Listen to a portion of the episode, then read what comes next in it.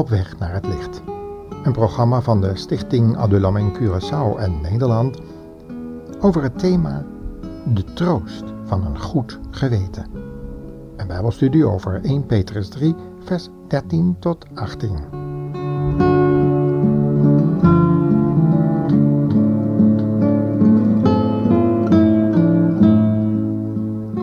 Het was eigenlijk een hele grote teleurstelling voor me. Was je daar uren bezig om een vriend in de gevangenis te bezoeken en krijg je maar een half uurtje de tijd om met hem te spreken? En ben je eenmaal in het spreekkamertje? Dan hoor je dat er iemand van de reclassering met je vriend bezig is en je mag kiezen. Wachten tot hij klaar is of onverrichte zaken terugkeren naar huis. Ik koos maar voor het eerste, dan maar even wachten. Wie weet was die reclasseringsambtenaar wat eerder klaar. Had ik tenminste nog vijf minuten om met mijn vriend te spreken en hem te, mogelijk te bemoedigen. Maar ook dat was me niet vergund. De tijd verstreek en de ambtenaar benutte de rest van de tijd die mij nog restte. Helaas, tenslotte besloot ik om brutaalweg, voor ik de gevangenis verliet, toch ongevraagd maar even de spreekkamer binnen te wippen en mijn vriend te groeten. Hij was kennelijk blij om mij te zien, maar het kon de situatie niet veranderen. Een andere keer dan maar, zo vroeg hij mij, en ik bevestigde dat in de hoop dat hij mijn in de haast geschreven briefje zou begrijpen, waarin ik hem vroeg of hij mij wilde bellen of schrijven, als hij daar tenminste toestemming voor kreeg. Want je weet maar nooit hoe de emoties reageren als je zo plotseling gevangen wordt gezet en je het gevoel hebt door iedereen in de steek gelaten te zijn.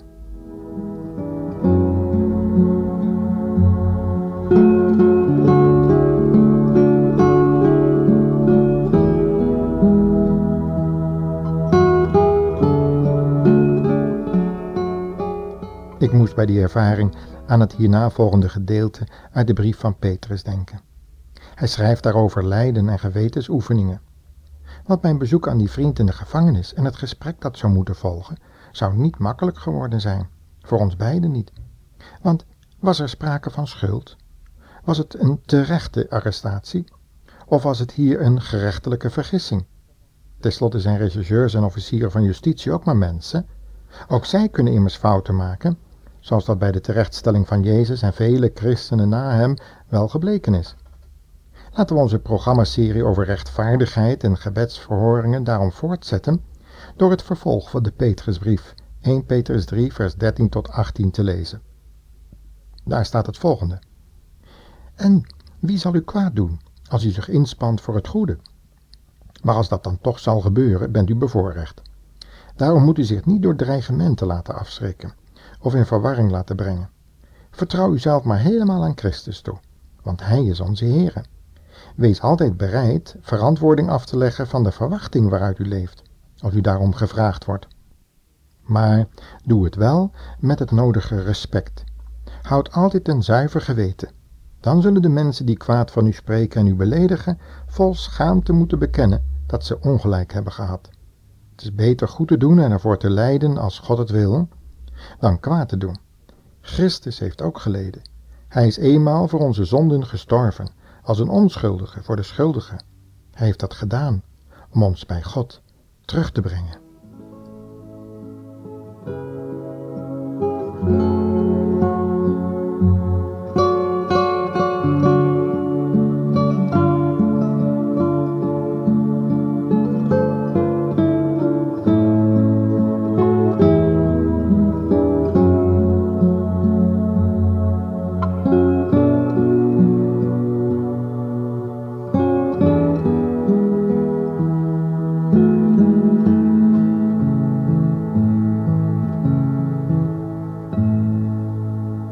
Met dat gedeelte uit Gods woord zat ik wel een beetje in mijn maag. Helaas moest ik toegeven dat mijn vriend niet helemaal onterecht schuldig verklaard zou worden. En het recht moest zijn loop hebben. Er was nu eenmaal een aanklacht ingediend, al was de motivatie daarvoor duidelijk onzuiver en onder druk van anderen. Er was sprake van vijandige gevoelens, die te maken hadden met, in mijn ogen, religieuze vooringenomenheid. En dan vind je altijd wel argumenten om een ander aan te klagen, nietwaar? Helaas, was niet eens helemaal onterecht. Maar als we dat nu eens bij iedereen gaan doen die we niet mogen, en hoe zouden we het er zelf afbrengen? zouden er tegen ons ook niet allerlei aanklachten ingediend kunnen worden, ook door medechristenen, met wie we aan één avondmaaltafel zitten en de dood van onze Heer Jezus mee verkondigen? Staan wij zelf al zuiver voor God en onze naasten? Zijn alle zonden die wij in het verleden deden, die van voor en na onze bekering, inderdaad allemaal beleden en rechtgezet? Ons geweten, wanneer dat tenminste nog wakker is en niet ingeslapen of overschreeuwd door kritiek op anderen, zal ons wel beter leren. Zei Paulus in Romeinen 2, vers 1 en 3 en in vers 21 tot 24 niet meer over dit soort situaties? Hij zegt namelijk, maar u, o mens, die anderen oordeelt, wie je ook bent, waarin je een ander oordeelt, daarin veroordeel je jezelf. Want wanneer we anderen oordelen, blijken wij dezelfde dingen te doen. Wij weten dat God rechtvaardig oordeelt. Hij geeft ieder die slechte dingen doet een rechtvaardige straf. Of denkt u misschien dat u, die anderen veroordeelt voor dingen die u zelf ook doet, Gods straf zult ontlopen? Bent u dan niet blij dat God zoveel liefde toont en trouw en geduldig is? Begrijpt u dan niet dat hij zo lang met zijn straf wacht om u de kans te geven met de zonde te breken? Maar als u anderen onderwijst, waarom onderwijst u uzelf dan niet? U beweert dat men niet mag stelen, maar steelt u zelf dan niet? U zegt dat men geen overspel mag plegen, maar wat doet u zelf? U zegt dat u een grote afkeer van afgoden hebt. Toch hebt u een eigen afgod, het geld, fortuna. Want u berooft de tempel. U gaat er prat op Gods wet te kennen. Maar waarom maakt u Gods naam dan te schande door Gods wet te overtreden? Er staat niet voor niets in de boeken geschreven: Het is uw schuld dat de naam van God over de hele wereld door het slijk wordt gehaald. Ja, het is nodig dat we ons opnieuw helemaal aan God wijden. Want wie zal helemaal zonder schuld zijn?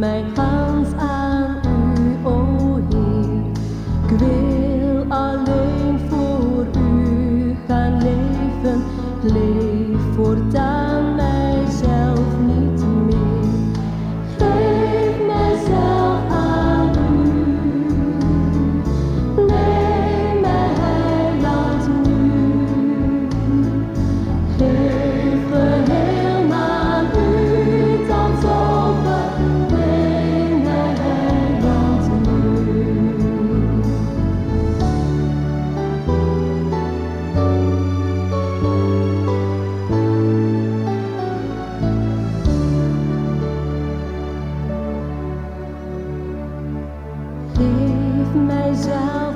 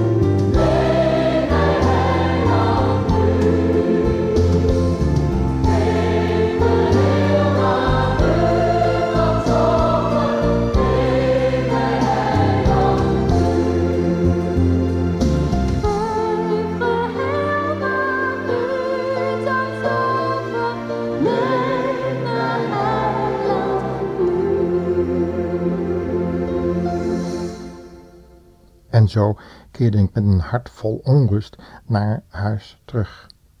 Ik wist niet of mijn vriend zich zo geheel aan zijn heiland had toevertrouwd en zich vernederd had onder de krachtige hand van God. met een gebed in mijn hart dat God toch maar tot zijn doel zou komen in het leven van mijn zwaar beproefde vriend, kwam ik thuis. Nee, vriendschap gaat niet over als de ander gefaald heeft. Tegendeel, het kan er zelfs door verdiept worden, tenminste als die ootmoedigheid gevonden wordt. Ootmoedigheid die doet buigen onder die krachtige hand van God, zodat God hem ook kan herstellen. In het geval dat er sprake is van een onterechte aanklacht, of een aanklacht die rechtstreeks te maken heeft met een godvijandige wetgeving, tja, dan liggen de zaken anders. Dan kunnen we met een hart vol troost de gevangenis binnengaan en wijzen op de Heer Jezus, Petrus, Paulus en met hen vele anderen die ook ter verantwoording een tijd lang in de gevangenis geworpen waren. Petrus was in zo'n geval in volkomen rust. Hij sliep zogezegd de slaap der rechtvaardigen, terwijl hij aan een soldaat geketend was en zijn terechtstelling moest afwachten. Een engel van de Heer heeft hem in een van die gevallen bevrijd, want Petrus' werk was nog niet klaar op aarde. En zo ging dat ook met andere christenen van die dagen. Sommigen werden echter vrijgesproken, anderen van de leeuwen verscheurd in de arena van de Olympische Spelen in die dagen. Johannes de Doper werd vanwege zijn getuigenis van de waarheid onthoofd en Jezus zelf werd gekruisigd op Golgotha, omdat hij zijn mond niet opendeed en zich als een slaap, schaap ter slachting liet leiden. In al zulke gevallen kunnen we elkaar echter bemoedigen met de woorden: Vertrouw uzelf helemaal toe aan Christus. Hij is onze Heere. Hij weet wat goed voor ons is. Laten we daarom in elke situatie van Hem getuigen, van de levende hoop die in ons is. Maar laten we dat doen met een gereinigd geweten.